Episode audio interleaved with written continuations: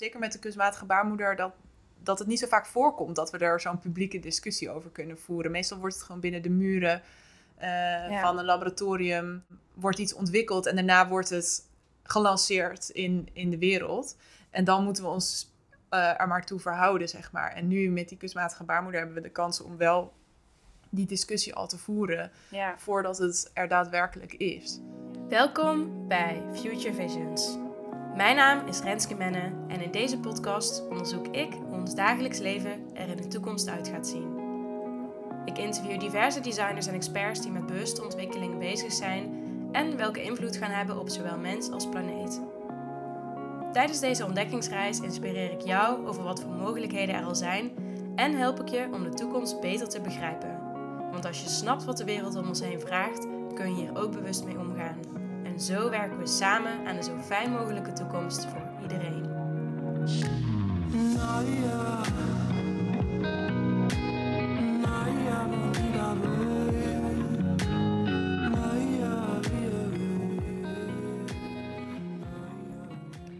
Hey, hallo. Welkom bij weer een nieuwe aflevering. Nou, voor degene die oplettend is geweest, ik heb gezegd dat ik één keer in de twee weken een podcast uitbreng. Wat nog steeds de bedoeling is. Alleen deze week zou er dus eigenlijk geen komen, maar ik had gewoon heel veel zin om deze week er toch eentje extra uit te brengen. Dus eh, dat doe ik ook. Je gaat nu luisteren naar een opname die ik heb gemaakt met Lisa Mandenmaker. En Lisa is een designer die zich vooral bezighoudt met de ethische kant van design. Zo heeft ze bijvoorbeeld een IVF-ritueel ontwikkeld, waardoor eigenlijk dat hele IVF-proces menselijker is gemaakt. Ze heeft ehm, gewerkt aan de kunstmatige baarmoeder. En ze is momenteel bezig met een onderzoek dat gaat over uh, oorlogsvoering en politiek. En ook hoe dat zeg maar, in Nederland eraan toe gaat.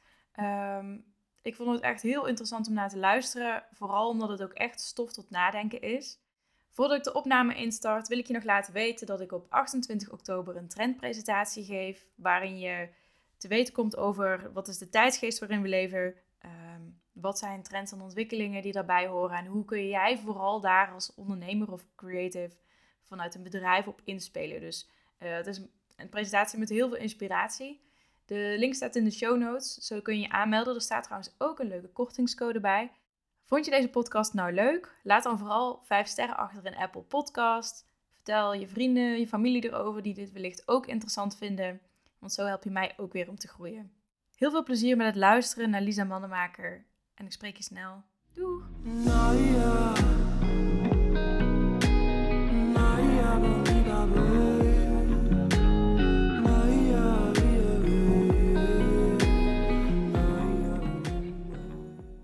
daar zitten we dan. Ja. Leuk. In jouw studio hier in Amsterdam. Klopt. Superleuk. Ja. Ja, fijn dat ik nog even kon komen voor je vakantie. Ja, past allemaal wel hoor. Gelukkig, ja, want vorige week had je het nog druk. Ja. Ja. Nee, vorige week was het een beetje druk en uh, dan staat je hoofd, dus je hoofd zo vol, loopt het over. Dus um, nu heb ik even wat meer rust in mijn hoofd. En ja. dan kunnen we even een goed gesprek voeren. Ja, superleuk. Ja, superleuk sowieso, want uh, ik heb jou volgens mij ik denk dat ik je ook gesproken heb op Dutch Design Week, een paar jaar terug. Ja, ik vroeg me af als je, als je binnenkwam of ik je dan zou herkennen. Of we elkaar dan hadden gesproken op de Dutch Design Week. Eh, maar ja, je ziet zoveel mensen. Ja, ja, klopt. En toen stond ik ook in het klokgebouw en uh, echt bij de ingang. En toen zijn er zoveel mensen voorbij getrokken en oh, heb je zoveel gesprekken gevoerd. Ja. Maar, uh, ja, maar we hebben ook nog daarna nog contact gehad. Dus ja, ja, klopt. Ik ken je naam wel. Ja, ja inderdaad. Maar stond je op zo'n hoekje aan het, bij de ingang, maar dan op een hoekje? Ja. Oké, dan heb ik je toch ergens zo nog geregistreerd van oké, dat was het. Ja. Jou, uh, jouw project voor het eerst toch. Want um, uh, zou, je iets, uh, zou je sowieso eerst eens even willen vertellen, wie ben jij? Ja, nou, ik ben Lisa Mandenmaker. Ik ben ontwerper. Ik werk op het snijvlak van speculatief design en social design. En ik heb een achtergrond in productdesign.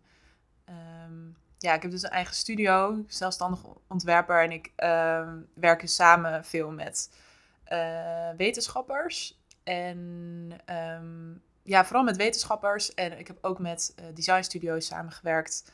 Dus ik, ik sluit gewoon aan bij projecten en dan uh, probeer ik te doen wat ik kan. ja. ja, vet. En zou je iets willen vertellen over de projecten die je in het verleden al hebt gedaan? Bijvoorbeeld waar ik jou mee als eerste heb ontmoet in het klokgebouw. Ja, je hebt mij toen gezien met het IVF-ritueel, Ja. denk Ja. ik. Dat is het project eh Lab Romanticism, heet dat. Ehm, dat is een eh, zelf geïnitieerd project. Eh, dat was in samenwerking met het Care Lab van Waag, hier in Amsterdam. Mhm. Eh, en Next Nature Network heeft er eh, ook eh, aan bijgedragen. Ehm, het was een soort verdiepingsonderzoek. Ik kreeg een talentontwikkelingsbeurs van het eh, Amsterdamse Fonds voor de Kunsten. En eh, dan, eh, ja, het was social design in residence, zeg maar. Mhm. Eh, en dus ik mocht zelf bepalen wat, wat voor richting ik op wilde. En ik was toen ook begonnen met ehm, eh, de installatie voor de kunstmatige baarmoeder met Next Nature Network. Daar zal ik straks nog wat meer over vertellen. ja. Het IVF-ritueel was eigenlijk een verdieping op, dat, op die kunstmatige baarmoeder. ehm, omdat ik wilde begrijpen hoe een technologie, een, reprodu- ja, een technologie voor voortplanting, die nu heel veel gebruikt wordt, maar die 40 jaar geleden heel controversieel was, hoe die nu is eigenlijk vormgegeven Mhm. eh, in, in, in de kliniek en hoe, hoe dat eraan toe gaat. Ik ben zelf nooit in een, in een voortplantingskliniek geweest, eh, dus ik heb niet, eh, niet als arts of ook niet als gebruiker. Dus ik was gewoon heel benieuwd hoe, hoe dat eigenlijk gaat. En eh, toen kreeg ik de kans om eh, bij de voortplantingskliniek in het eh, AMC, eh, het Amsterdam UMC, een locatie AMC, om daar eh, een rondleiding te krijgen van de, ehm, eh, ja, van de baas daar, ik weet even niet meer, de hoofd, het Ja. hoofd eh, van, die, eh, van die kliniek. Had je dat geregeld ook voor je project? Ja, Ja. ja. En ehm, ja, dat was echt super tof, want we mochten overal even kijken en hij legde heel veel uit hoe het, hoe het werkte. Maar het grappige is dat hij het dan heel erg vertelt vanuit de ehm, blik van de professional. Van hoe, eh, kijk, hier hebben we dit kamertje en dan eh, daar, eh, dat is handig voor ons, want dan kunnen we zo doorlopen en hoeven we niet een deur door en een trap af met een, met een eh, Petri-schaaltje met een embryo erin of zo. Dus daar hadden ze dan helemaal over nagedacht qua vormgeving. Ja. Maar er waren ook wel beslissingen genomen waarvan ik dacht, hè, hoezo hebben jullie dit al gedaan? En als ik dat dan vroeg, dan keek hij me ook zo, oh, daar had hij nooit over nagedacht. Oh ja? Dus dat Weet ging nog- veel meer over de user experience. ja. En weet je nog een van die dingen die je vroeg? Of? Ehm, nou ja, die me heel erg bijgebleven is, is ehm, wij waren zeg maar, ja, hoe de indeling van die voortplantingskliniek is, is dat eh, zeg maar aan de linkerkant heb je dan de, eh, de behandelkamers voor vrouwen en aan de rechterkant heb je de kamertjes die ze dan het masturbatorium noemen, ehm, waar mannen hun sperma in het, in het potje moeten doen, zeg maar. Oh ja. Ehm, maar we waren dus eerst aan de linkerkant geweest. En dat is echt zo'n behandelkamer. Dat ziet er helemaal niet gezellig uit. Het zit met zo'n vreselijke stoel met van die beugels Ja. en Oh zo. ja. En dan, als vrouw heb ik daar meteen al zoiets van... oh ja, dat is gewoon oncomfortabel. ja. Ehm, maar ga je dan naar het masturbatorium... dan eh, hebben ze daar een, een zandprint op de grond... en in het andere een grasprint op de grond. En dat wees hij dan ook heel trots aan. Van kijk, Ja. we hebben er echt iets gezelligs van proberen te maken. Wat ik begrijp voor Ja. zo'n hokje. Ja. Maar waarom is dat niet aan de andere kant zo? precies. Dus toen ik, dat, toen ik dat vroeg, dacht hij... oh ja, daar had hij dan helemaal niet over nagedacht. Nee. En ehm, ja, dat zijn van die perspectieven die dan eh, soms vergeten worden. Of dat als jij als ontwerper daar rondloopt... dan kijk je daar op een andere manier naar. ja. Ehm, dus dat was voor mij echt heel interessant... om, om daar als ontwerper rond te lopen. ja. En eh, uiteindelijk, ehm, ik wist al dat ik iets met IVF wilde doen, maar hoe, wat ga je dan maken als ontwerper? En dat is meestal ook wel mijn, ehm, eh, mijn ontwerpproces. Ik, ik heb, ben ergens in geïnteresseerd en ik heb daar wel een soort van mening over of hoe dat dan misschien in de toekomst zou moeten. Mhm. Maar wat ik dan precies wil maken of wat ik precies wil aansnijden, dat weet ik dan nog nooit aan het begin. nee. Dus dat gaat gewoon gedurende het proces. Dus ik had gewoon heel veel geleerd in die kliniek van hoe dingen gaan. En ehm, ja, op basis daarvan heb ik toen dat IVF-ritueel, wat je dus op de Design Week hebt gezien, gemaakt. En dat was een interventie. Ehm, nou, niet echt een interventie. Er kwamen eigenlijk twee verhaallijnen samen. Want ik wilde het iets meer romantisch maken in het laboratorium. Omdat het voelt soms ook zo erg dat je eh, dat er iets mis met je is als je naar de voortplantingskliniek gaat. ja. Terwijl als je niet heterostel bent, ehm, heb je sowieso te maken met een voortplantskliniek. En dan is er niet echt iets mis met je. Ja. Ehm, dus ik wilde daar dat taboe een beetje wegnemen door een ontwerp te maken. En toen ik in die uh, voortplantingskliniek was, zag ik gewoon dat heel veel. Iedereen loopt een bepaalde, bepaalde route in, in die kliniek. En uh, het heeft heel veel met tijd van doen natuurlijk. Want op die dag moet uh, de vrouw binnenkomen. En op die dag moet de man binnenkomen als we het hebben over een, een, een hetero stel. Ja. En dan duurt het zo lang uh, voordat er zoveel cellen zijn. En dan na vier dagen moet je terugkomen voor de embryo-transfer. Het zijn allemaal, allemaal schema's en routes en het heeft heel veel met tijd van doen. Dus ik moest heel erg aan choreografieën denken. En een soort, misschien als je Oh, dan ja. een soort romantisch ding, dat het dan een, ehm, een eh, soort, hoe, noem- hoe noem je dat ook weer, dat eh, dieren zo'n balsdans naar elkaar doen. Ehm, en uiteindelijk eh, toen ik dat dus aan het uitmappen was, al die routes, toen zag ik van, hé, hey, er ontstaat eigenlijk ook een route van de embryo. En misschien is dat wel het romantische aan het IVF, dat je dit dus mee kan maken. Want in de slaapkamer Mhm. kun je alleen maar een beetje raden of wanneer dat gebeurd is of ongeveer. Dus ik dacht, dat wil ik ehm, uitvergroten met een ritueel. En dat is dat ehm, IVF-ritueel geworden. En daar zie je eigenlijk de eerste stappen van de embryo. Want zoals het nu gaat in de kliniek ben je dus daar niet bij als ouders. Ja. Dat wordt uitgevoerd door de embryologen. En ehm, ja, achter gesloten deuren eigenlijk. En volgens mij is dat... eh, dat lijkt mij, maar ik heb ook ouders gesproken die dat eh, doorgemaakt hebben, zeg maar. Is, dat is een heel moeilijk stukje van het IVF-traject, dat je daar dan niet bij bent, bij die bevruchting. Ja. Ehm, dus dit is iets wat je thuis kunt uitvoeren eh, als een soort ritueeltje, een beetje mindful.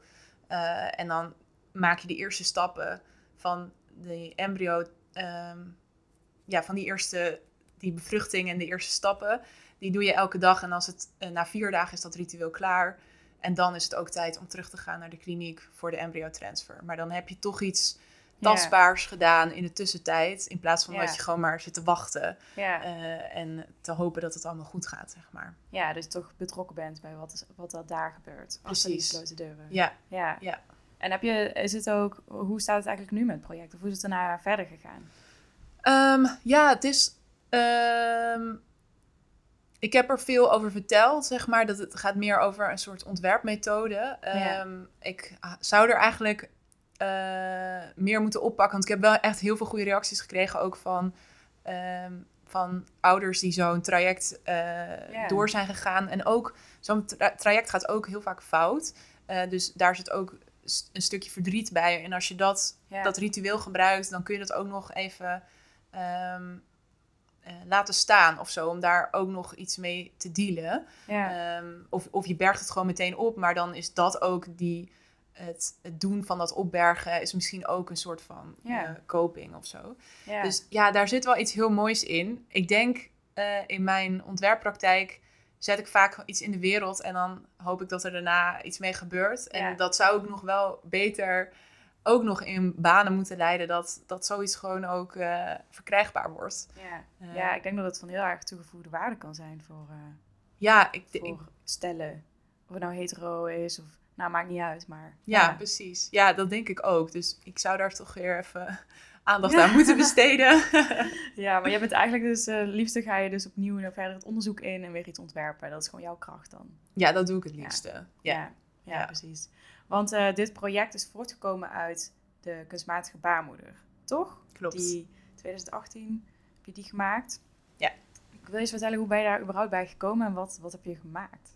Ja, in eh, 2018 toen eh, eh, ging ik als ontwerper bij Next Nature Network aan de, aan de slag. Zij waren op zoek naar een ontwerper om hun onderzoek, wat zij rondom de toekomst van voortplanting aan het doen waren, eh, te vertalen naar een, eh, ja, naar een expositie of naar een prototype. En toen kwam daar het Maxima Medisch Centrum bij. eh, want die waren bezig met, eh, of die zijn nog steeds bezig met onderzoek om een daadwerkelijke eh, kunstmatige baarmoeder te maken voor eh, premature baby's. Dus als ze bij 24 weken gebo- geboren worden, ze in plaats van in de eh couveuse, dat ze dan in een kunstmatige baarmoeder kunnen. Het verschil is dat een couveuse een ruimte gevuld is met lucht Ja. En een kunstmatige baarmoeder een ruimte gevuld met vloeistof. En dan zouden nog de organen verder kunnen ontwikkelen. Dus dan, Ah, en dan vergroot je de overlevingskans. Dus dat is heel Ja. erg de, het doel van, van Maxima Medisch Centrum. Maar ja, daar zijn ze dus al heel ver in gevorderd. En zij wilden ehm, hun research heel graag tonen op de Dutch Design Week. Maar ehm, ja, dat zijn eigenlijk rapporten en grafieken en eh, verhalen. En eh, mensen die op de Dutch Design Week komen kijken, die, Nee. dat, ja, dat blijft gewoon niet hangen. nee, zeker Terwijl het natuurlijk wel heel eh, ja, baanbrekend onderzoek is. Ja. En dat die research van Next Nature Network ehm, ja, was ook al best wel eh, ver gevorderd in, eh, naar kunstmatige baarmoeders. Dus ik kwam eigenlijk al, alle research was al gedaan en moest een vertaling gemaakt worden. Ehm, dus dat, eh, dat heb ik toen met Next Nature Network gedaan. Toen hebben we een, een installatie gemaakt, een soort speculatief prototype voor een kunstmatige baarmoeder. Hoe zou zoiets eruit kunnen zien in de, in de toekomst? Ja. Ehm, en hoe. Ehm, ja, en het belangrijkste was dat als je zoiets tastbaar maakt en gewoon neerzet, dan kunnen mensen eromheen lopen en, en meer nadenken van: oh, maar waarom ziet het er zo uit? Ehm, wat voel ik hierbij? Wat, wat Ja. maakt het in me los? Dat, dat werkt veel beter dan een afbeelding of een stukje tekst. ja. Eh, en dan komen er ook heel andere vragen naar boven. Want toen ik aan andere mensen uitlegde van, oh ja, dit is een project waar ik aan ga werken, toen was er nog niks. Dan gaan, trappen mensen gelijk op de rem van, oh jeetje, we gaan baby's maken in fabrieken. En Ja, ja, eh, dat krijg je heel snel. Terwijl, ja. die discussie is niet zo zwart-wit. Er is een heel grijs gebied tussen. En als je als ontwerper ja, tools aan kunt geven om mensen een beetje, eh, ja, een beetje richting te geven aan, aan, die, aan die discussie. eh, dan denk dat is denk ik heel waardevol. ja. En ja, dit prototype voor de kunstmatige baarmoeder is wel echt een voorbeeld waar dat allemaal toen samenkwam op het juiste moment. En dat dat ook echt zo werkte ja. zoals we het bedacht hadden. Dat het inderdaad echt een, een, een tool is om dat gesprek ja. eh, richting te geven. Had je dan ook echt voorstanders en tegenstanders voor, voor dit idee? Want Ehm, ja, nou, het is interessant hoe die discussie eh, verliep. Er waren natuurlijk heel veel tegenstanders, ook eh, eh, op de Dutch Design Week. Maar ik vond het opvallend dat veel mensen wel positief erover waren. Dat kwam natuurlijk ook omdat we dat al samen met Maxima Medisch Centrum presenteerden. En dat het dan vooral heel erg gaat over het redden van prematuur geboren baby's ja, bij eh, 24 weken. En ja, ik denk dat daar niet heel veel mensen tegen zijn. Dat is een heel traumatische ervaring als dat gebeurt. ja, en als er dan iets is om de overlevingskans te vergroten, dan is dat natuurlijk heel mooi. ja, Maar er kleven toch ook wel veel ethische eh, dingen aan. Dus zo'n technologie moet wel echt goed ontwikkeld zijn. Dat het niet een, een soort experiment is dat als dat gebeurt, dat dat dan maar de enige hoop is. Dus doe maar. eh, stop dat kleine babytje maar in een, in een, in een machine. ja. Ehm, dat, ja, dat zijn wel heel moeilijke dingen waar we het dus wel over moeten hebben. ja, En eh, wat Next Nature, eh, die, hun research ging veel meer over een nog verdere toekomst. Dat je een hele zwangerschap dan buiten het lichaam zou kunnen doen. ja. Dat ging toen tijdens de Dutch Design Week nog niet heel erg daarover. Ehm, dus ja, ik vond, als ik erop terugkijk, was, vond ik het opvallend dat veel mensen wel gewoon vrij positief reageerden en niet zo heel hard. ja, Ehm, het jaar daarna veranderde dat en toen ging het meer op een internationaal niveau. Eh, en toen kwamen er wel weer wat hardere reacties. En toen ging het ook meer over die verdere toekomst. Ja. Van, zou Ja. het dan ook helemaal buiten het lichaam kunnen? Ja, ik kan me voorstellen, want als je dit eenmaal kan en dit is, werkt perfect, dan is natuurlijk een volgende stap heel dichtbij van oké, hoe kunnen we dan die eerste weken daar ook aan vast gaan plakken, zodat uiteindelijk, omdat daar natuurlijk onderzoek naar wordt gedaan eh, en dat een heel ethische kwestie is, van willen we Ja. baby's laten groeien alleen maar in zo'n kunstmatige baarmoeder. Ja, Dus dat is ook wel, ik, ik denk juist wat ook heel erg de waarde is van dat dit soort projecten op Dutch Design Week bijvoorbeeld staan, of nou waar dan ook, dat mensen daarover gaan nadenken en praten. Want onderzo- de onderzoeken zijn in, ieder geval bezig. Dus dan is het ook belangrijk dat we gaan nadenken en praten over wat vinden we hiervan. ja, Eh, willen we dat dit komt? En zo ja, hoe dan? precies. Aan welke regels moet het voldoen? En, Ja. ja. ja, en het is... Ik denk dat het ook wel een bijzondere... Zeker met de kunstmatige baarmoeder... dat dat het niet zo vaak voorkomt dat we er zo'n publieke discussie over kunnen voeren. Meestal wordt het gewoon binnen de muren van een laboratorium wordt iets ontwikkeld en daarna wordt het gelanceerd in, in de wereld. En dan moeten we ons uh, er maar toe verhouden, zeg maar. En nu met die kunstmatige baarmoeder hebben we de kans om wel die discussie al te voeren ja. voordat het er daadwerkelijk is. Ja. Dus dat is wel bijzonder. Ja. ja. En weet je hoe, hoe ver het onderzoek nu staat? Want we zijn nu bij drie jaar verder ongeveer. Ja, ze hebben toen een, uh, volgens mij was het in 2019, hebben ze echt een hele grote subsidie gekregen. Um, ik ben niet meer helemaal uh, up-to-date met de medische kant ervan. Nee. Uh, ik hou me nu vooral bezig met de ethische kant. Ik ga nu ook uh, een nieuw project, verdiep, weer een verdiepend project op de kunstmatige baarmoeder starten met Design Lab Twente. En dan veel meer vanuit de ethische kant en hoe die, hoe die scenario's dan eruit zouden kunnen komen te zien, zeg maar. Um, uh, dus ja, dus ik zit veel meer op die ethische uh, en debatkant. Ja. En minder op de, op de medische vorderingen. Ja, interessant zeg. Dus daar ga je nu mee bezig, of daar ben je nu mee? Uh... Ja, ga ik na de zomer gaan we daarmee starten. Oh, leuk. Ja. Interessant. dus dat is ook, ligt ook nog helemaal open met wat er precies uit gaat komen. Maar ja. ja. ik heb er wel heel veel zin in. Ja, super interessant onderwerp. En heel waardevol, wat ik al zei. Dus ja, ja leuk. Nou, daar ga ik sowieso voor blijven volgen. ja. en dan ben ik ook benieuwd naar jouw laatste project waar je nu mee bezig bent. Want je zei war and politics als thema. En je was nog zo van, ik moet even checken wat ik hier al over kan vertellen. Maar uh, de eerste paar dingetjes die je zei, dacht ik, oké, dit is wel een heel interessant thema. Zou je eens iets kunnen vertellen over waar je nu mee bezig bent? Ja, um, ja, dit wordt de eerste keer dat ik hier iets over ga vertellen. Um, ja, ik ben, uh, ik heb naast dat ik me bezig hou met de toekomst van voortplanting, hou ik me ook bezig met de toekomst van politiek, en democratie. En toen kwam ik in contact met een wetenschapper die uh, onderzoek doet naar de toekomst van oorlogsvoering en defensie. Het is echt heel breed en ook echt op globaal niveau. Uh, en haar onderzoek heeft de werktitel Prototype Warfare. Nou, ik ging best wel aan op die, uh, op die titel. Uh, en ook omdat mijn, ja, mijn ontwerppraktijk gaat ook heel erg over het maken van prototypes om veranderingen teweeg te brengen. Maar er is dus een bepaald nieuw discours aan de hand in, in oorlogsvoering of zeg maar nadenken over de toekomst van defensie. Um, waarin ze ook prototypes en experiment gebruiken en design thinking toepassen. Maar dat wordt ja, als een soort uh, ja, design tool ingezet in, in hoge plekken waar defensie wordt vormgegeven, zeg maar. Maar er, er wordt niet zo heel erg nagedacht over de morele uh, en ethische kant van dat soort toepassingen. En ja, dat, dat gebeurt op heel veel verschillende niveaus. Dat kan zijn, uh, dat experimentele kan zijn in nieuwe samenwerkingen met bijvoorbeeld uh, van Defensie. Nu heb ik het over Defensie in de, in de Verenigde Staten hoor.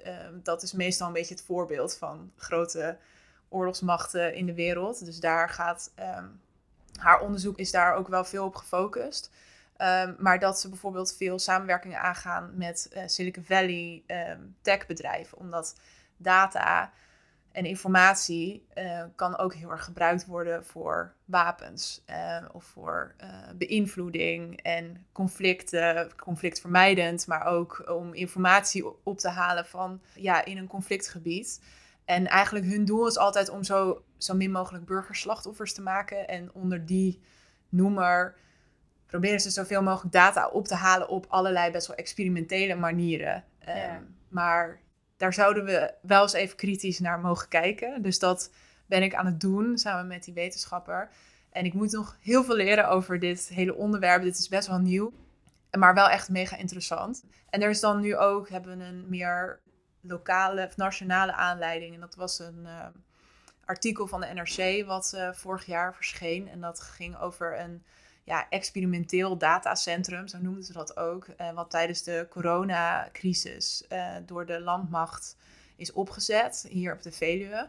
En zij zijn data gaan verzamelen van ons, van ons als burgers hier in Nederland, om uh, te kijken of mensen zich aan de regels zouden houden en ook zeker met die rellen, om voorspellende modellen te maken of er waar er rellen zouden komen of ja, viruswaarheid werd in de gaten gehouden, dat soort dingen.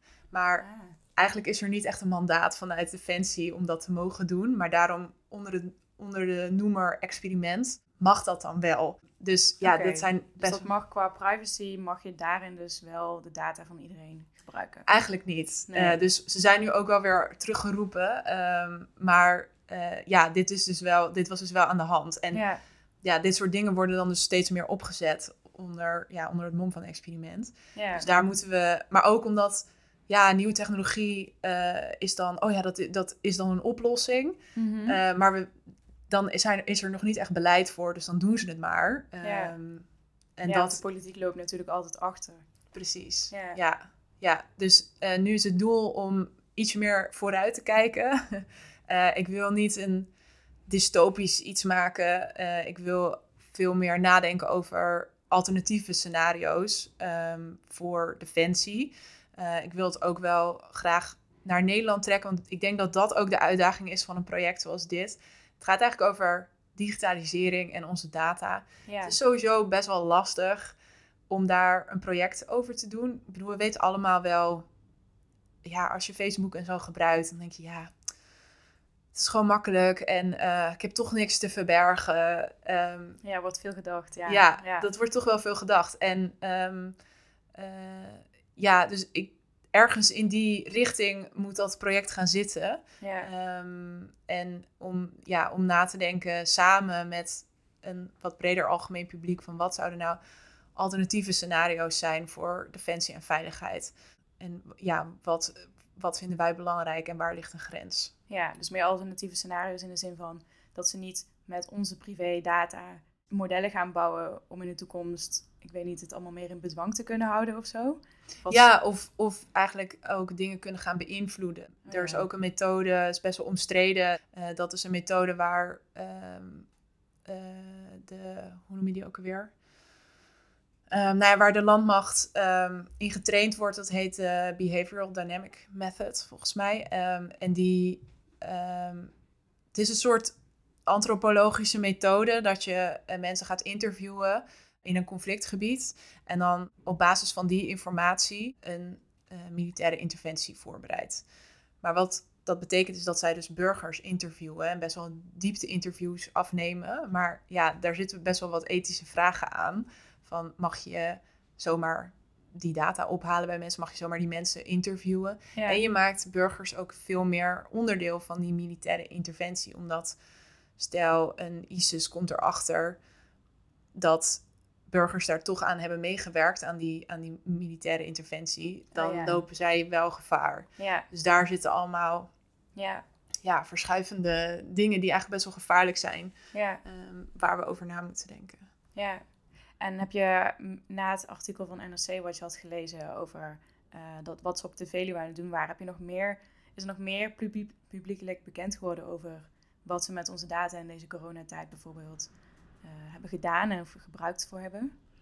Ja, nee, ik heb, ik heb me niet verdiept in, die, in hoe die data opgehaald wordt. Maar ja, daar zijn we allemaal in- aan het induiken en eh, ja, aan, aan onderzoeken van wat voor, aan wat voor voorwaarden dat zou moeten voldoen of wat, wat er eigenlijk gebeurt. Want wat het lastige daarin is, is dat heel veel dingen die met defensie te maken hebben, natuurlijk ook een soort geheimhouding Ja. hebben. En dat is ook onderdeel van de veiligheid, maar ja, vaak worden deze dingen ook uit het publieke debat eh, gehouden, bewust, omdat er ja, voor defensie ook niet heel veel. eh, ja, in het publieke debat zijn mensen daar toch meestal wel tegen, oorlogsvoering. Eh, dus als je Ja. dat er, ja, voor politieke doeleinden is het handiger om dat een beetje onder de radar verder uit te vechten, zeg maar. En niet zo in het publieke debat te brengen. Ja, En ja, mijn doel met, ehm, met mijn projecten is toch wel publiek debat aanzwengelen. ja, En ik denk dat dit wel echt. Ik kan het. Inderdaad, het is duidelijk dat ik nog niet helemaal een richting heb van waar het heen gaat. Maar Mhm. ik, voel gewoon, dit is een heel interessant, belangrijk onderwerp. En ik moet daar een weg in vinden. Ja, Hoe ga ik hier eh, dat publieke debat hierover meer richting geven? Ik bedoel, er wordt inderdaad dus door NRC-artikelen dingen publiek gemaakt. Ehm, maar ja, dan, net zoals ik lees ook dat artikel en dan denk ik, ja, wat, wat oké, en nu dan? Ja. Wat, wat moeten we hier dan mee? En Ja. ja. ja, ik zou graag een soort uitnodigingen creëren om daar met mensen meer over in gesprek te gaan. Want het, het lastige hieraan is, is dat, zeker als het over data gaat, dat je het idee hebt van, oh ja, dit is de, dit is de enige manier Ja. hoe, hoe we dingen kunnen gaan vormgeven. Eh, en het is heel moeilijk om over alternatieven na te denken. Dus ja, dat is voor mij ook. Ik, ik heb daar ook de antwoorden niet op. Maar ik denk door, het, door te zoeken naar de juiste interventies en de juiste ja, prototypes of triggers, waardoor mensen op een andere manier gaan nadenken. Dus ja, meestal helpt het dan om even ietsje verder de toekomst in te kijken. Om dan dat gesprek te gaan voeren. En ja, dat we dan op een gezamenlijk niveau die discussie kunnen gaan voeren. Ja. En kunnen nadenken over alternatieven. Want ik weet daar ook het antwoord niet op nog. Nee. En heb je wel een antwoord op de vraag uh, in hoeverre je, als je verder de toekomst inkijkt, wat voor scenario's je dan bijvoorbeeld voor je kunt zien, waardoor je dus belangrijk vindt dat we er nu over nadenken en praten? Ik denk, uh, het eerste waar ik dan nu aan moet denken is dat het steeds individueler wordt. Dus dat jouw dromen en jouw angsten, die allemaal gevolgd worden door uh, de, de platforms die we gebruiken, die worden eigenlijk onderdeel van heel veel verschillende dingen, maar dus ook van oorlogsvoering.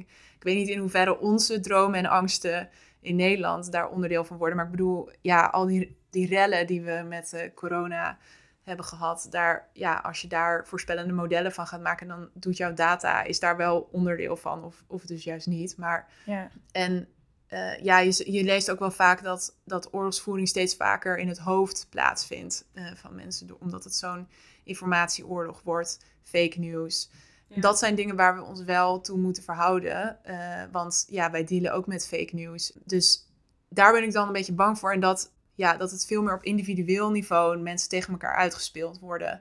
Um, ja, als ik dan een beetje verder in de toekomst kijk, dan zie ik dat een beetje voor me. Ja. En dat zou ik dus graag niet willen, dat dat gebeurt. Nee, precies. Um, ik denk dat het daarvoor belangrijk is om na te denken over alternatieven. Ja, precies. Alternatieven, ook regelgeving en ook controle richting bedrijven, dat ze zich daaraan houden ook. Precies. dat soort dingen. Ja. Want hoe zit het, uh, want je bent nu bezig met data en je bent je daar meer in het, aan het verdiepen.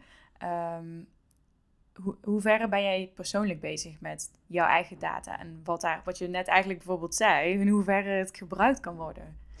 Ja, daar ben ik dus ook ja, ik, ik, weet het allemaal wel, maar dit is dus precies. Ik maak het dus ook voor mezelf, hè? Dat is dus. Um, uh, ik weet het ook dat ik misschien niet echt Facebook moet gebruiken. Of uh, dat je heel goed moet opletten wat er gedeeld wordt en uh, welke informatie of welke cookies je accepteert. Maar het is ook, het is ook niet te doen in je eentje, omdat het is een, een systeem waar we allemaal in zitten, wat, wat eigenlijk anders zou moeten. Dus ik vind het altijd lastig om dan het, soms komt die verandering ook wel van, van onder, onderop, zeg maar. Dus dan Mhm. dat je daar, eh, dat als wij allemaal onze Facebook gaan verwijderen, dat het misschien ook wel invloed heeft. Maar dat gaat gewoon niet gebeuren, want we zitten, we zitten locked in, zoals ze dat dan noemen. Ja. Ehm, dus ja, ik kijk er wel veel meer naar als een grotere systeemverandering, dan dat ik het op individueel level ehm, bij mezelf aanpak. Maar ik denk, ik ben wel kritisch, zeg maar. Maar ik denk dat heel veel mensen dat zijn, net zoals ik. En ja, ik denk in veel van mijn, net zoals met de kunstmatige baarmoeder, wist ik ook niet wat, hoe ik me daarover voelde. Mhm. Maar, en dat heb ik met dit project ook. Ik, ik weet het allemaal niet zo goed. En ehm, ja, dat zo'n ontwerptraject is ook voor mij een soort sensemaking van... Oké, wat is er eigenlijk aan de hand hier? En hoe moet ik mij hiertoe verhouden? En hoe ik dat doe is dus door vertalingen te maken naar prototypes. En dat blijkt goed te werken voor een breder publiek om zich daar dan ook toe te verhouden en dan met mij in gesprek te kunnen gaan daarover. ja, Ehm, dat is een beetje mijn, mijn doel en hoe ik, het, ja, hoe ik het zie. ja, precies. En om dan het debat te gaan voeren. En wat, wat vinden we dat wel mag, wat niet kan? Wat Ja. zijn de andere opties inderdaad, die je net ook noemde? Ja, ik denk niet dat ik als ontwerper in mijn eentje of in een, in een team een oplossing kan bedenken. Want anders denk ik ook, ja, dan had een ander team dat ook wel kunnen doen of zo. Of, ehm, Nee, maar ik denk dat het juist heel belangrijk is dat je mensen erover laat praten. En Precies. over laat nadenken. Ja. Wat jij bijvoorbeeld zegt, onze data die we achterlaten, dat dat dus uiteindelijk gebruikt kan worden in oorlogsvoering.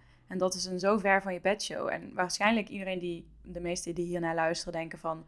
Oh my god, oké, hier moeten we iets mee, maar ik weet niet wat. En dan loopt het weer misschien een soort van dood. Maar als zij dan ook weer gaan praten met iemand daarover en zij ook weer, dan begint dat debat in ieder geval al te rollen, zeg maar. precies. Ja, ja. en dat is, dat is denk ik Dat is ook een van de redenen waarom ik deze podcast maak. Omdat mensen gaan nadenken over, hé, hey, wat kan er al, wat is er al? Ehm, en waar moeten we over nadenken richting de toekomst? Wat we wel en niet willen, voordat er ineens iets is waarvan we daarna denken, ja shit, we zitten in een heel systeem maar eigenlijk wilden we dit helemaal niet. Nee, precies. Ja, en het zijn allemaal heel complexe, moeilijke dingen. Ja. Um, en ja, iemand alleen heeft daar ook helemaal de oplossing niet voor. Of het antwoord op. Of nee. de manier om ermee om te gaan. Maar ja, als we daar op een collectief niveau met allerlei verschillende perspectieven over kunnen praten, dan kunnen we misschien wel een meer wenselijke toekomst voorstellen. En wat, wat we belangrijk vinden en wat voor nou, wat voor regels het moet voldoen. Ja, ja zeker. Hoe uh, heb jij zelf een idee over hoe jij het liefst zou willen dat de toekomst eruit gaat zien? Of dat je denkt hoe dat de toekomst eruit gaat zien? Um, Misschien op, over allebei de thema's. Ja, ik zit nu ook inderdaad over allebei de thema's. Nou, ik denk wat ik. Um, ja, ik vind het lastig om dan nu één beeld van. Omdat ik focus op eigenlijk kleine stukjes ervan. Maar wat ik het belangrijkst vind, is dat het veel meer een inclusieve toekomst wordt. Waarin alle perspectieven meetellen. En dat is mega idealistisch. Maar wat ik lastig vind, eh, ja, de, de weg waar we nu op zitten, is dat er één systeem is wat echt maar voor een heel klein gedeelte van deze wereld werkt. En dat er zoveel meer mogelijke toekomsten mogelijk zijn als we andere perspectieven gewoon een, op een hoger platform zetten of belangrijker maken. Of ja. in ieder geval mee laten tellen, zeg maar. En dat is uh, wat mij drijft om dat zo goed mogelijk te doen. Besef me dat ik ook een bepaald perspectief heb. Uh, maar ik probeer gewoon zoveel mogelijk input te krijgen van, van verschillende kanten. En dat te blijven onderzoeken. En ja, een beetje weg te blijven uit dat, dat nihilisme van die ene weg waar we heen gaan. Ik, ik heb het altijd over meerdere toekomsten en zo inclusief mogelijk. En ja, zo wil ik erover nadenken. Dus hoe zou de toekomst eruit zien, heb ik geen antwoord op, omdat ik denk dat er veel meer verschillende toekomsten mogelijk zijn. Ja. Ehm, wat, wat zou kunnen werken voor heel veel verschillende soorten mensen. Mooi. Ik, uh, ik ben heel benieuwd hoe het project verder gaat. Wellicht uh, de komende Dutch Design Week is er wat van te zien. Dus dan kunnen we het gesprek voortzetten. Oh, spannend. Leuk. Ik heb er zin in. Ja, ik ook. nou, super bedankt voor je tijd. En dat ik even langs mocht komen in je studio. En uh, dat we hierover konden kletsen. Dankjewel. Ja, jij ook bedankt. Ik vond het super leuk dat je er was. Bedankt voor het gesprek. Dankjewel.